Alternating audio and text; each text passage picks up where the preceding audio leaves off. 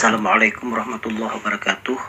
Alhamdulillahirrabbilalamin Kembali pada hari ini saya akan bacakan satu buah pertanyaan yang telah disampaikan. Assalamualaikum dokter. Waalaikumsalam warahmatullahi wabarakatuh. Saya anak keempat dari lima bersaudara.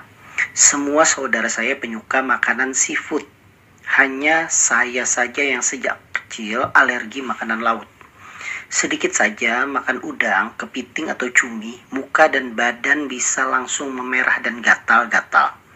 Saya suka ngiler kalau lihat kakak-kakak pada makan seafood. Yang mau saya tanyakan, kok bisa begitu dok? Mengapa dalam satu keluarga bisa berbeda soal sensitif makanan? Orang tua saya juga tidak ada yang alergi. Apa faktor penyebabnya? Apakah tidak ada hubungan dengan genetika? Bahkan ada juga teman saya yang dulu suka sekali makan seafood, tapi sekarang tiba-tiba menjadi alergi. Mengapa begitu? Apakah alergi itu juga bisa disebabkan karena sugesti dari Mbak Hilda? Baik, terima kasih Mbak Hilda atas pertanyaannya.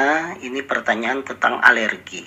Alergi merupakan salah satu divisi di penyakit dalam yaitu divisi alergi imunologi di mana memang penelitian dan keilmuan tentang masalah alergi dan imunologi ini terus berkembang. Baik kita berbicara tentang masalah alergi, e, prinsip utama terjadinya alergi itu adalah ketika tubuh kita sistem imun yang ada di dalam tubuh kita itu salah dalam memahami zat yang masuk ke dalam tubuh kita. Jadi prinsipnya begini, sebenarnya tubuh kita itu punya sistem pertahanan, di mana pertahanan itu terjadi karena adanya zat asing yang masuk dan dijaga supaya zat asing tersebut tidak sampai merusak tubuh kita. Sehingga sebenarnya pertahanan tubuh kita itu bekerja cukup baik. Cuma yang terjadi pada alergi itu adalah ketika zat yang masuk ke dalam tubuh kita itu dianggap sebagai hal yang berbahaya walaupun sebenarnya tidak berbahaya. Jadi itu disebut dengan alergen. Nah, pada beberapa orang bisa terjadi alergi terhadap zat-zat tertentu yang memang dianggap berbahaya oleh tubuh. Tidak hanya makanan, ya, tidak hanya seafood saja, tetapi bisa juga hal lain seperti misalnya debu ya, debu bisa menyebabkan alergi pada beberapa orang. Bahkan e, mikroorganisme seperti tungau itu bisa menyebabkan alergi pada beberapa orang. Ada beberapa kasus e, pasien yang tidak tahan terhadap tungau. Jadi kalau dia berbaring di tempat tidur yang terdapat tungau, badannya akan bentol-bentol kemerahan semua. Dan itu juga cukup mengganggu.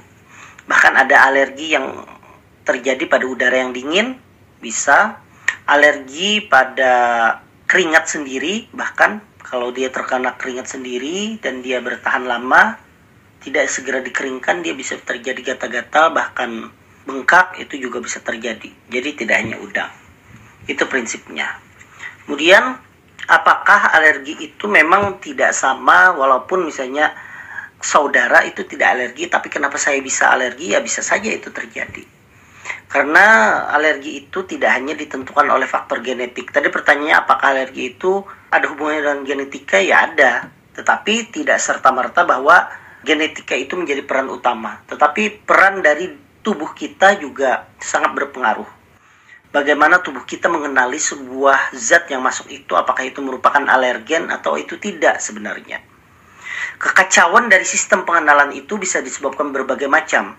Salah satunya karena sistem tubuh kita yang kurang baik misalnya karena vitamin D yang kurang ataupun misalnya antioksidan yang tidak berjalan dengan baik itu menyebabkan reaksi yang menyebabkan tubuh berlebih dalam mengenali suatu zat asing yang masuk ke dalam tubuh sehingga terjadinya alergi.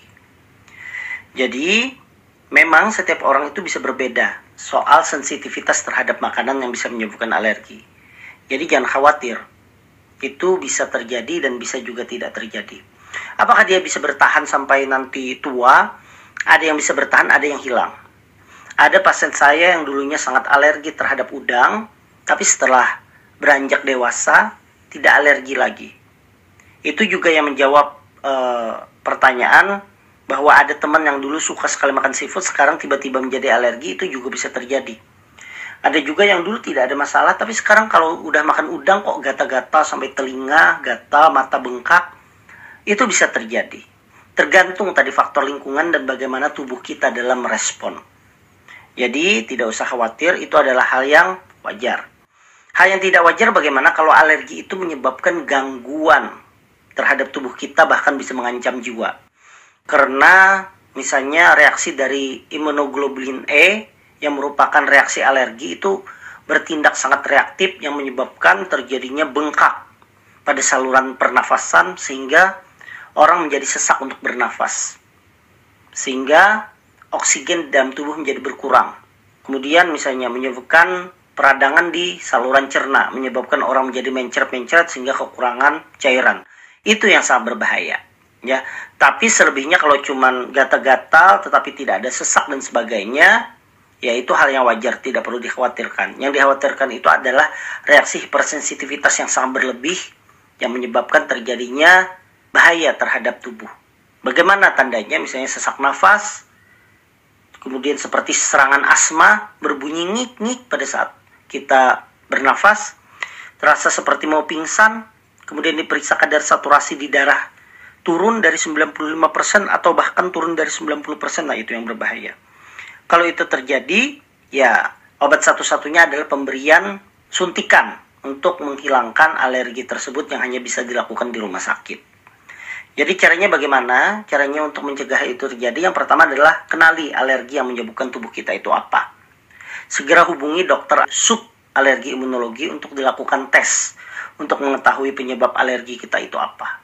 Lebih lanjut lagi adalah dengan cara memberikan modulator modulasi terhadap imun kita agar tidak salah dalam mengenali zat-zat yang masuk ke dalam tubuh kita sehingga tidak semuanya dianggap zat asing yang berbahaya. Salah satunya apa dalam pemberian nutrisi antioksidan dengan makan dan minum yang bergizi. Bahkan pada dewasa ini juga sering diberikan vitamin D agar kadar vitamin D menjadi normal di dalam tubuh. Itu adalah salah satu cara untuk menjaga supaya tubuh kita menjadi baik dan tidak terjadi reaksi hipersensitivitas yang bisa berbahaya untuk kita. Demikian Mbak Hilda atas pertanyaannya. Itu adalah jawaban dari saya. Semoga itu bermanfaat.